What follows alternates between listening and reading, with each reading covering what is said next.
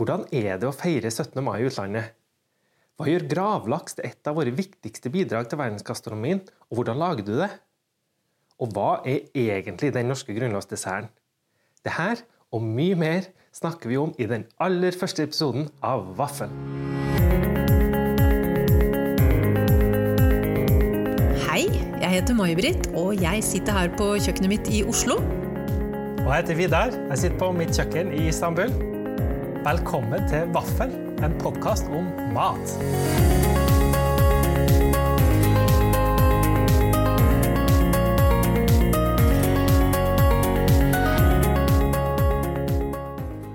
I morgen er det 17. mai. Det blir en litt annerledes 17. mai enn det vi har hatt i mange år.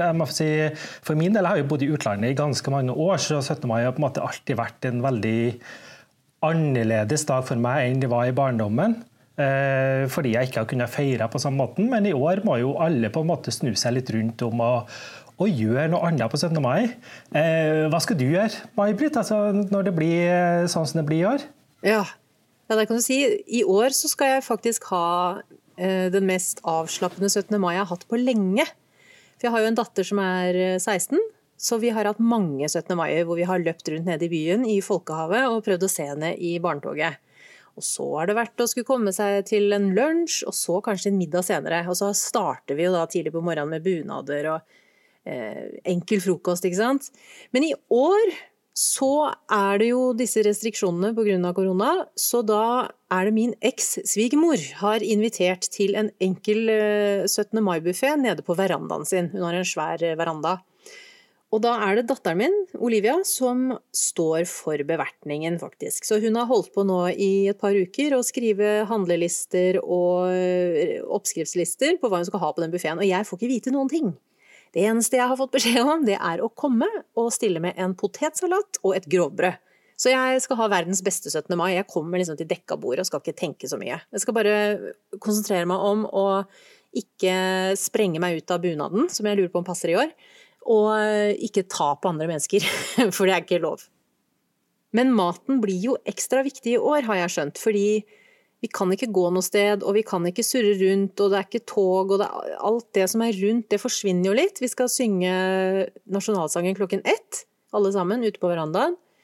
Eh, og utover det så skal vi jo faktisk ikke gjøre noe annet enn å spise. Så no pressure på datteren min på 16, men eh, når maten er i fokus så mye i år, så håper jeg at det er strålende. Ja, jeg tenker jo Det altså det samler jo folk på en helt annen måte. da. Eh, altså det, det, blir jo på en måte nesten en ny julaften, der du samler bare de nærmeste. For man kan jo ikke være eh, så veldig store grupper. Ja, det er helt sant. Det blir mye nærere. og det blir jo mye mindre stress på en måte. Mm. Fordi det er ikke så mange ting man skal bite over, da. Men hva med deg, Avinar? Du har jo feiret 17. Eh, mai i utlendighet i mange år allerede. Hvordan pleier du å gjøre det? Har du noen faste tradisjoner? Faste tradisjoner blir ikke så mye av. Det er jo det som er litt vanskelig. Altså, jeg bodde jo lenge i London. Der var det jo på en måte ting å henge seg på, fordi eh, der er det en ganske stor eh, kontingent av nordmenn som bor i London. Ikke så veldig mange i forhold til mange andre land, men nok til at man kan samle ganske mange. Da. Og da er det jo i London, som jeg tror er ganske mange plasser rundt om i verden, at det er sjømannskirka fremdeles i dag som eh, står for og kan samle folket. Så eh, De pleide jo alltid å ha et stort arrangement i Southwark Park, som jo da ligger i Rotherhide i Sørøst-London, ved siden av sjømannskirka. Og Der har det jo vært opplegg hvert eneste år med tog og pølser og is og vaffel og taler og hele pakka. Så der var det virkelig mulig å få eh, holdt på å si, 17. mai-stemninga. Eh, Folk troppa opp i bunad, tok T-bane inn gjennom hele London eh, for å komme seg dit i bunad. ikke sant? Så det var litt sånn storstemning ut av det. Alltid var det jo spennende 17. mai-talere. Jeg husker det kom som regel noen fra regjeringa. Det var på en måte spennende, men samtidig så var jo ikke 17. mai nasjonaldag i England. Så vi som eh, jobba, eh, var det jo ikke alltid at vi kunne være med på det. Så jeg tror det var to år viktig å være med, fordi da falt 17. mai på en helgedag. Når det var på en ukedag, så var det jo på en måte en eh, vanlig arbeidsdag som alle andre, dessverre. Så da var det ikke så mye å gjøre. Jeg var jo en tidlig storforbruker da, av NRK nett-TV. Fordi De har jo sendt sine sendinger på nett veldig lenge før si, det ble vanlig å få IPTV og sånne ting, så du får nett-TV inn i stua. Det var en helt annen kvalitet, selvfølgelig, men det var på en måte, ja, du fikk du følge med litt på barnetoget og sånn i bakgrunnen innimellom slagene på jobben. da. Men eh, den store feiringa har det på en måte ikke blitt. Da. Og eh, enda verre har det på en måte blitt etter jeg kom til Istanbul. Selv om jeg nå da kan ta meg fri på 17. mai, så, så er det jo nesten ingen andre nordmenn her. Men hva, hva, gjør du da på 17. mai i Istanbul? Eller hvor mange, hvor mange år har du feira 17. mai i Istanbul? I Istanbul blir det min eh, ja, hva blir det? Den 15. totalt, så blir det den femte i Istanbul. Så det begynner å bli en del år. Altså, jeg må få være så ærlig og si at jeg har egentlig ikke feira så veldig mye, fordi jeg har ikke kjent så veldig mange nordmenn her. Nå har jeg på en måte to-tre stykker som jeg, jeg møter jevnlig. Så vi hadde jo kunnet gjort noe Jeg tenkte faktisk på det i år, da, å gjøre noe, noe, ut av det. Men stort sett har dere på en måte blitt med å ja, prøve å, å, få til litt, kanskje litt norsk mat. Selvfølgelig. Det er jo maten igjen da, som trekker oss eh, tilbake og, og får oss i stemninga. Sette på litt nett-TV og følge med på barnetog. Og selvfølgelig snakke litt med dem hjem og høre hva de holder på med. Det har jo vært eh, hva skal jeg si da, det er jo, det er jo en del år siden også fra før jeg, før jeg flytta ut, da, at eh, jeg ikke hadde mulighet til å feire, fordi jeg jobba jo 17. mai da jeg var student. og sånne ting. Så det, det begynner å bli en stund siden jeg var på ordentlig 17. mai, så jeg føler liksom at jeg har eh, har litt behov etter hvert for å komme hjem og feire 17. mai hjem et, et år snart. Å, har du fått litt hjemlengsel? Ja, Du gjør jo det når det blir litt sånne dager, gjør det ikke det? Altså, det er jo de, eh, jeg må få si Jul for eksempel, har jeg aldri gått glipp av. Det har jo alltid reist hjem til Norge. Aldri vært eh, og feira jul i utlandet. Eh, Søstera mi bodde i USA i et år, og da bestemte hun seg for at hun ikke skulle koste på seg å reise hjem til jul, hun skulle feire jul der. Og det, det ble med den ene gangen, for å si det sånn. Så eh, jeg føler litt på det samme der òg. Men i år når du skal feire i Istanbul og gjøre litt sånn norsk schwung, og ikke distansere deg fra opphavet ditt, Vidar Hva har du tenkt til å lage og spise? Du, jeg har eh, en eh, ørret Uh, røkt ørret som ligger i fryseren, som er tatt opp. Men Har du, røk, har du røkt den sjøl, eller? Nei, jeg har ikke røkt den sjøl. Jeg har faktisk prøvd før da, ikke å røyke. Det, det liksom Å bo midt i by og begynne å røyke ting, det, det, det, har jeg ikke helt Jeg føler jeg skal ha litt bedre kontroll på hva jeg driver med før jeg, jeg begynner med det. Men uh, gravlaks det har jeg jo prøvd å lage. Å, vet du hva, det har jeg aldri laget. Det, jeg, det, er nesten litt sånn skammelig å si, men jeg har aldri laget gravlaks. Og jeg som er så glad i gravlaks, hvordan lager du det? Jo, du, det, altså det som er litt spennende med gravlaks også, det er jo egentlig en av de virkelig eh, hva skal jeg si da, Hvis du skal trekke frem eh, skandinaviske bidrag til verdensgastronomien, så er gravlaks virkelig en av dem. fordi det der med røyking, speking, andre måter å ta vare på eh, kjøtt på, eller fisk på, det har du jo i de fleste matkulturer. Men akkurat det der med å grave fisken, det er noe som uh, ifølge de kokebøkene her, da, som jeg pleier å gå til når jeg skal lage norsk mat Jeg har jo en to, tre, fire sånne bøker stående i hylla som jeg ofte refererer. Bl.a. annet uh, første boka til Tom Viktor Gausdal, som handler om norsk husmannskost. Den har jeg jo. Ja, og Andreas Viestad sin om, om, norsk mat. Som jo da går også mye mer i dybden på matkulturen og historien. Og han forteller jo det at Gravlaks da er en relativt, eller graving av fisk er en ganske unik teknikk. Som er på en måte et skandinavisk bidrag til verdensgastronomien. Og det handler jo da om eh, eh måten man gjør det på. Det er, det er et sted mellom speking, som jo da gir en helt annen konsistens. Veldig fast, ikke sant? veldig salt. Eh, du kan ha spekepølse, spekt fisk osv. Eh, og så har du på en måte sushi på den andre enden av eh, rå fisk som er jo helt, helt fersk. Og så har du graving som er et sted midt imellom, der du bruker salt, sukker, alkohol, virker det som noen mener, men ikke alle. Konjakk pleier å være godt. Ja, gjerne, gjerne konjakk. Og vodka er noen som bruker, det kan brukes forskjellige ting. Eh, og så gjerne noe smaksetting. Der er jo dill da, som er det klassiske. Mm. Både dillkvister og dillfrø, gjerne, mm. for å få den gode smaken. Og så legger du det i press i tre-fire dager, eh, og, og, snur det da sånn ca. hver tolvte time. Så da får du på en måte Det ligger ikke sant, mellom eh, sushi og, og spekt. Så det, det er liksom det unike med det. Og det er ikke så vanskelig å få til. Jeg må få si det at Hvis jeg hadde vært i Norge, så hadde jeg nok gått til innkjøp av en god kvalitet gravlaks istedenfor å lage det sjøl, fordi eh, helt der oppe fikk jeg ikke til. Eh, jeg tror jeg gjorde meg en erfaring med f.eks. at jeg ble sittende med et sånt halestykke. ikke sant? Ja, ja, ja. For det er litt viktig når man skal grave den, at man finner riktig bit av fisken. Ja, ikke sant? Uh, og jeg tenkte jo sånn at det, det, er jo ikke like spennende å lage som en litt sånn tjukkere del av fileten når du skal lage middag av det. Så tenkte jeg ja, men da kan jeg bruke det til å lage gravlaks. Men uh, det som er da, at når fisken er rå, ikke sant, så blir det jo enda mer avslørt. Um, så det, det, tror jeg ikke var ideelt, fordi da, da, ble det litt for fast i fisken, rett og slett. Ikke sant? I og med at den er mye tynnere. Så ble det litt tørr? Ja, det, det, ble ikke helt rett konsistens på det. så jeg lurer på at det kan være det som er litt av årsaken. da. Men, eh, men, vanskelig var det ikke, og, og, smaken ble jo helt grei. Og jeg tror at hvis jeg hadde eh, prøvd litt flere ganger, jeg har gjort det kanskje to eller tre ganger og mm, Det spørs jo nå, da, med de restriksjonene vi har, som gjør at jeg ikke kommer til Norge på særlig lenge, antageligvis. Mm. Og eh, ikke da kan ta med noen varer tilbake. Så må jeg jo prøve å eh, gjøre ting sjøl. Det er jo én ting man opplever når du bor i utlandet ikke sant? Det er ting som du aldri i verden trodde at du skulle gjøre. Eh, du blir på en måte stilt mellom, med et valg mellom å enten bare forgå det. ikke sant? Hvis du får veldig lyst på gravlaks eller brunost eller prim, eller hva det er, og så har du det ikke, og det det ikke i butikken, så har du på en måte valget mellom ja, ja, da må du bare la det gå, eller du må lage det sjøl. Mm. Så det er jo på en måte en litt spennende ting da, med å bo i utlandet. at du faktisk mot alle odds faktisk eh, får prøve enda mer av det som er uh, varene du har vokst opp med, da, fordi du ikke har de lettvinte løsningene hvis du kan si det, tilgjengelig. Men hva syns uh, din tyrkiske samboer om denne gravlaksen? Syns han det var godt? Ja, altså det, det, jo det som er litt morsomt, for han syns jo det der er enda bedre enn meg.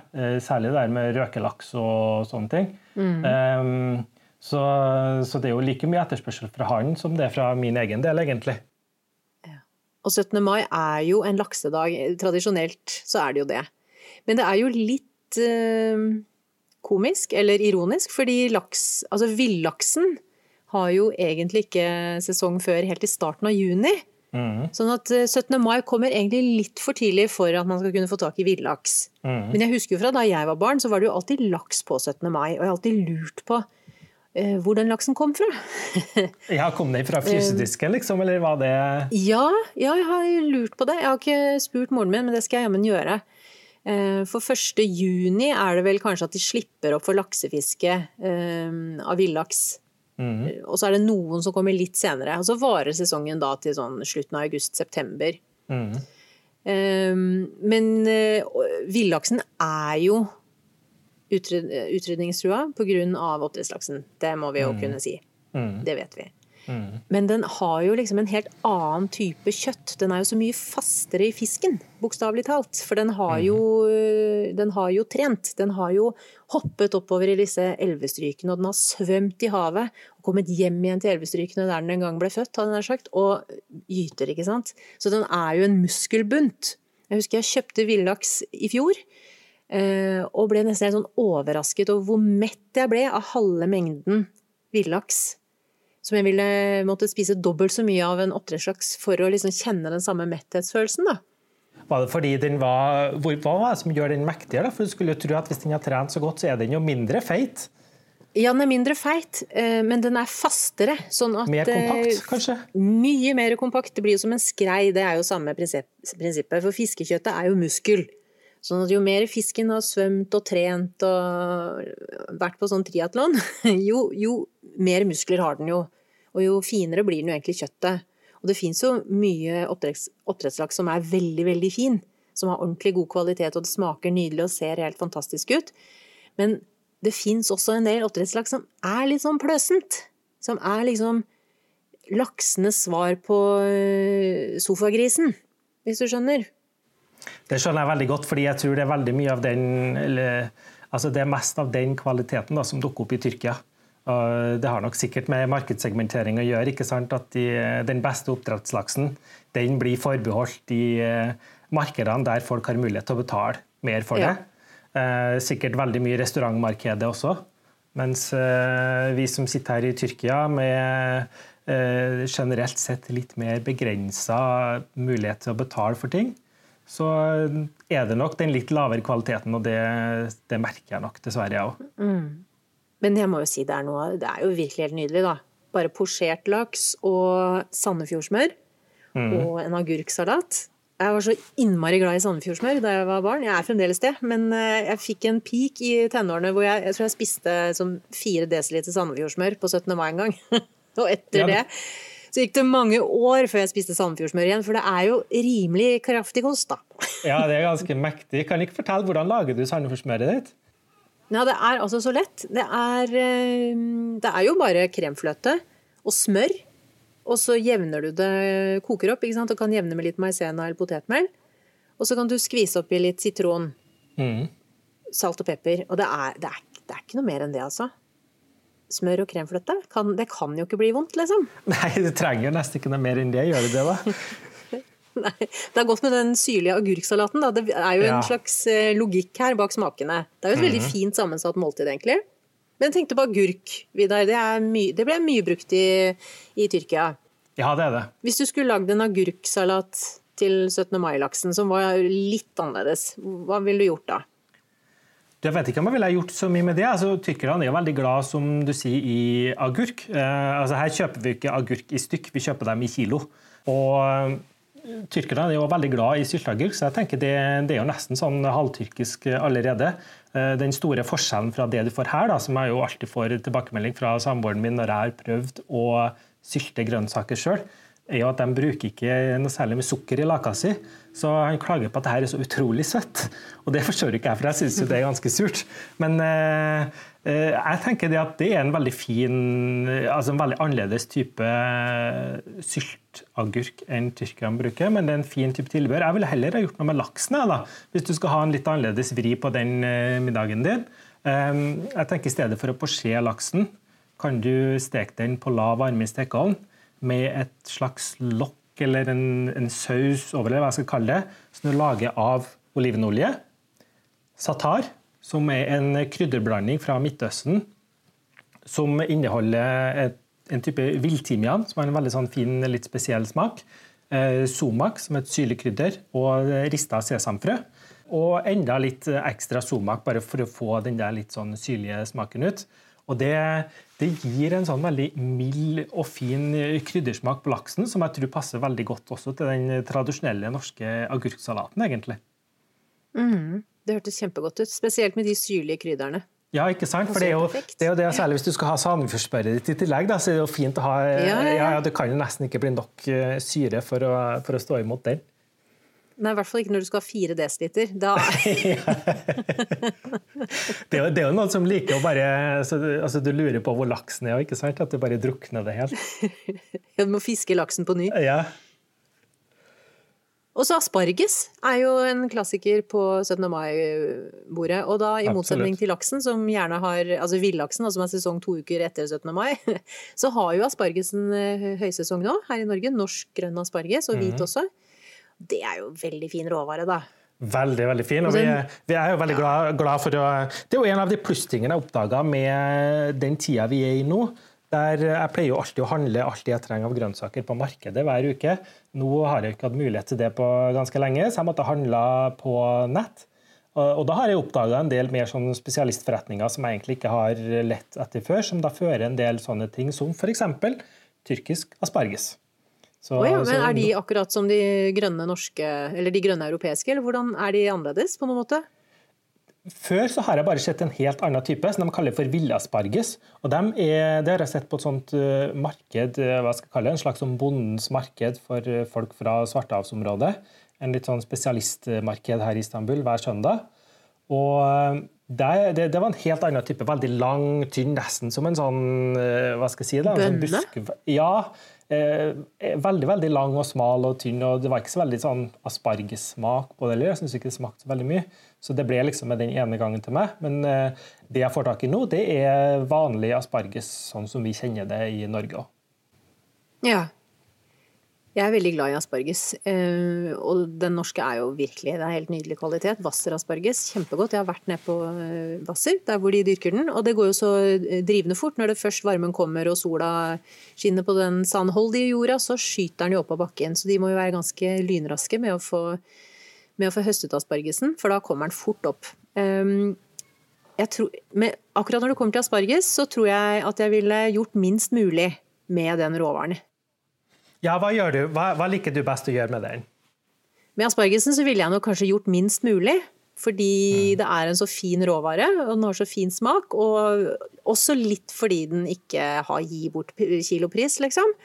Eh, Så da ville jeg nok latt den få spille hovedrollen. Og kanskje bare grillet den raskt. Salt og pepper. En eh, litt frisk og fin hollandes. Kanskje bare det. Mm. Og ikke noe mer. Sånn å putte sesongens asparges eh, i pai og i gryter eller hva Jeg vet ikke. Jeg syns liksom den er her så kort tid, da. Og er såpass kostbar, så den eh, ville jeg nok bare ha behandlet som det gullet den, i hvert fall for min lommebok, er. Ja, ikke sant? Ellers så Jeg kunne kanskje hatt noe oppi den potetsalaten som jeg skal ha med meg. Jeg skal lage det, Den ligger på bloggen. Den er kalt den Galliano-jentenes potetsalat. Den er veldig enkel. Ja, den så jeg. Den så jo kjempegod ut. Ja, den er veldig godt, og så er den lett å lage. Eh, den har jeg fått av en kollega på jobben som heter Ann-Katrin. Hun eh, lærte meg den. Og det er altså helt enkelt, dette kan du lage dette, Den er nesten litt sånn tyrkisk eh, inspirert, for den har jo feta. Fetaost. Ja. Eh, så det er et glass vanlig, vanlig, vanlig altså Det er et glass med fetaost på olje. Marinert fetaterninger. Appetina.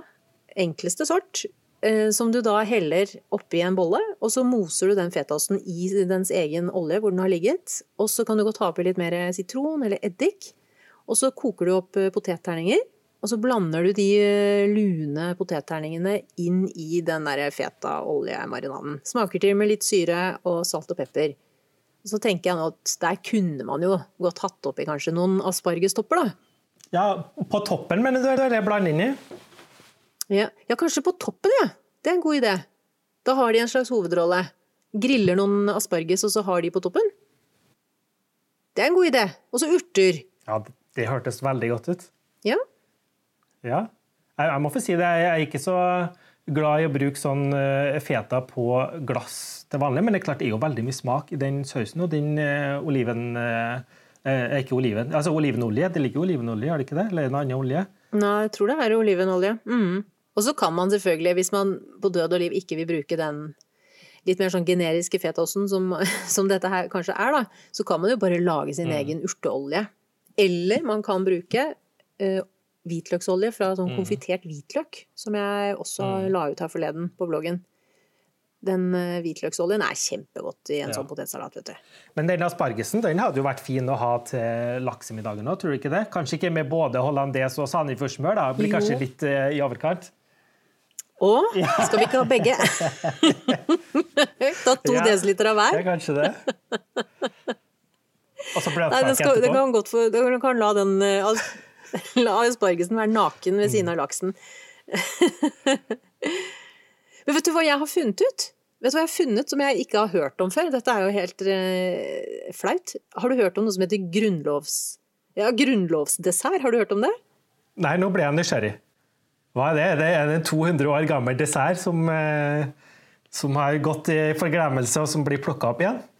Nei, den fins og den lages, men den, den, det er jo, Pavlovan har jo liksom tatt over 17. mai i Norge av en eller annen merkelig Ja. grunn. Jeg lurer så fælt på når det skjedde. Jeg tror ikke det er så veldig lenge siden, for jeg husker ikke noe særlig sånn Pavlova. Jeg føler at det var liksom sånn, litt sånn nytt og spennende, kom inn på Ja. 2000-tallet ish. Ja. ja, men bare glem Pavlovan, Pavlovan litt, fordi vi har jo vår egen 17. mai-dessert. Og den heter altså en grunnlovsdessert. Og hva er det i den? Nå ble jeg veldig nysgjerrig her. Ja, nå skal vi, for dette er det beste av, to, av mange verdener. Det er eh, rabarbra, som jo er i sesong. Og så er det svisker, som jo er preserverte plommer fra en helt annen sesong. Tørka plommer. Og så skal man koke en kompott av av, eh, av eh, nå holdt jeg på å si asparges, av rabarbra og svisker. Kjøler ned den kompotten. Og så lager man en vaniljekrem. Og så legger man vaniljekremen over den kompotten.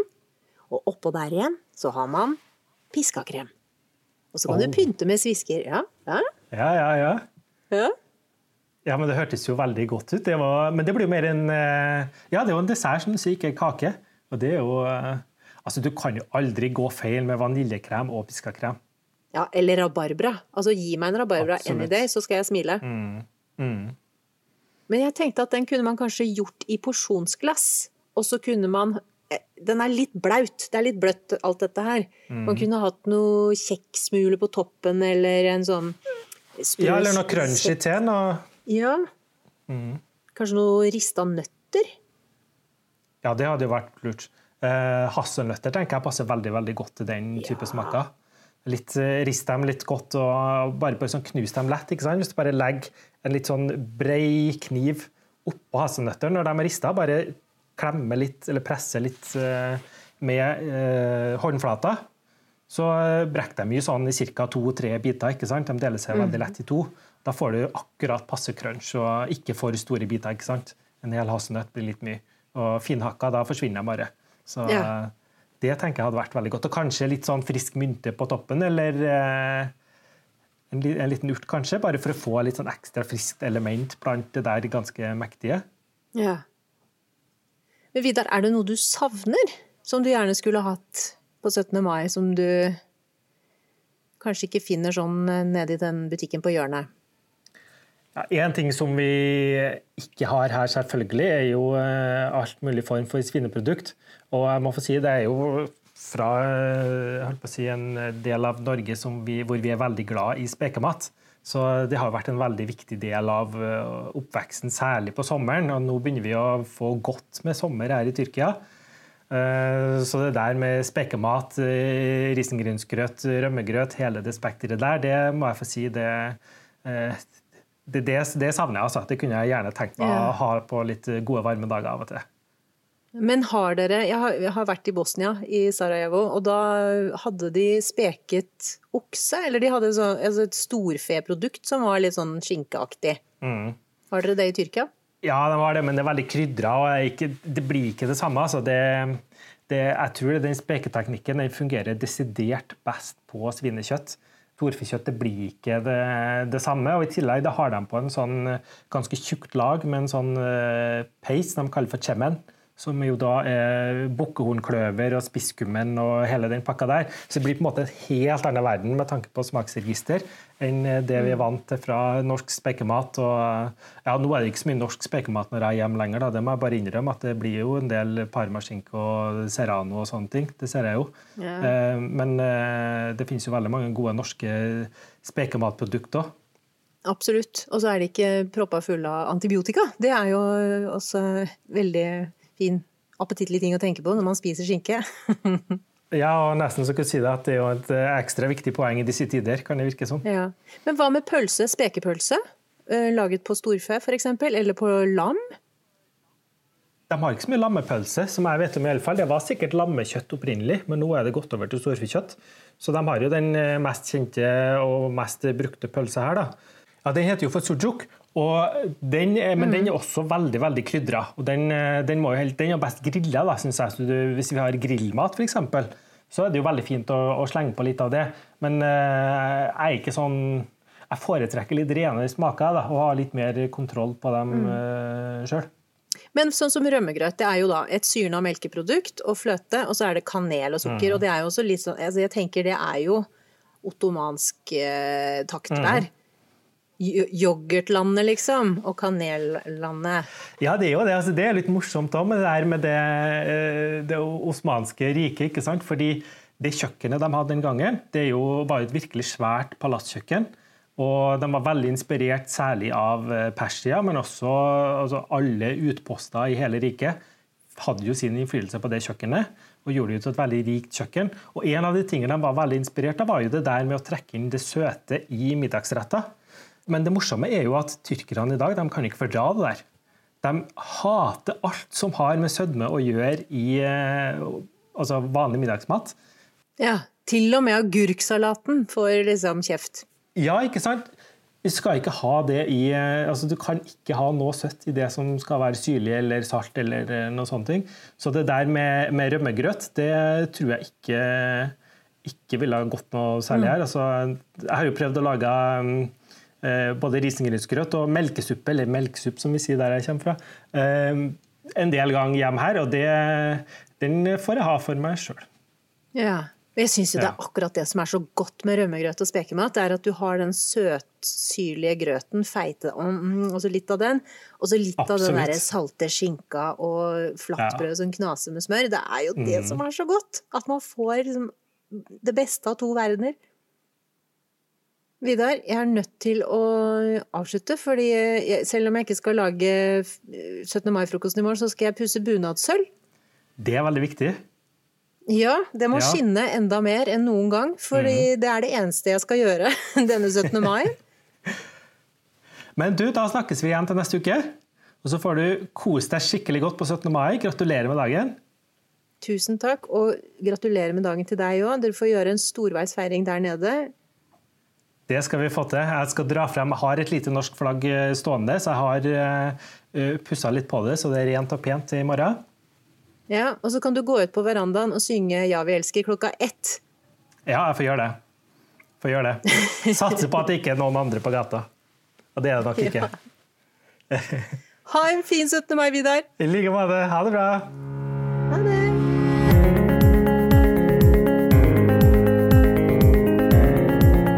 Takk for at du lyttet til Vaffel og denne lille kaffeslabberasen vår. Hvis du fikk lyst til å prøve noen av oppskriftene eller sjekke ut noen av de kokebøkene vi snakket om i denne episoden, så kan du gå inn på enten ettjukken.com eller spiselandslaget.com. Det er våre matblogger, og der ligger det mer informasjon om det temaet vi snakket om i dag. I neste episode av Vaffel tar vi sats og dykker inn i kjøkkenskapene våre. Hva har Vidar alltid på øverste hylle i kjøleskapet? Og hva passer jeg på å aldri gå tom for i tørrvareskapet? Hvilke basisvarer føler vi oss nesten nakne uten? Og hva fant vi innerst bakerst på skammens glemte hylle da koronaviruset sperret oss inne? Neste episode av Vaffel kommer søndag 24. mai. Takk for at du lyttet, og på gjenhør.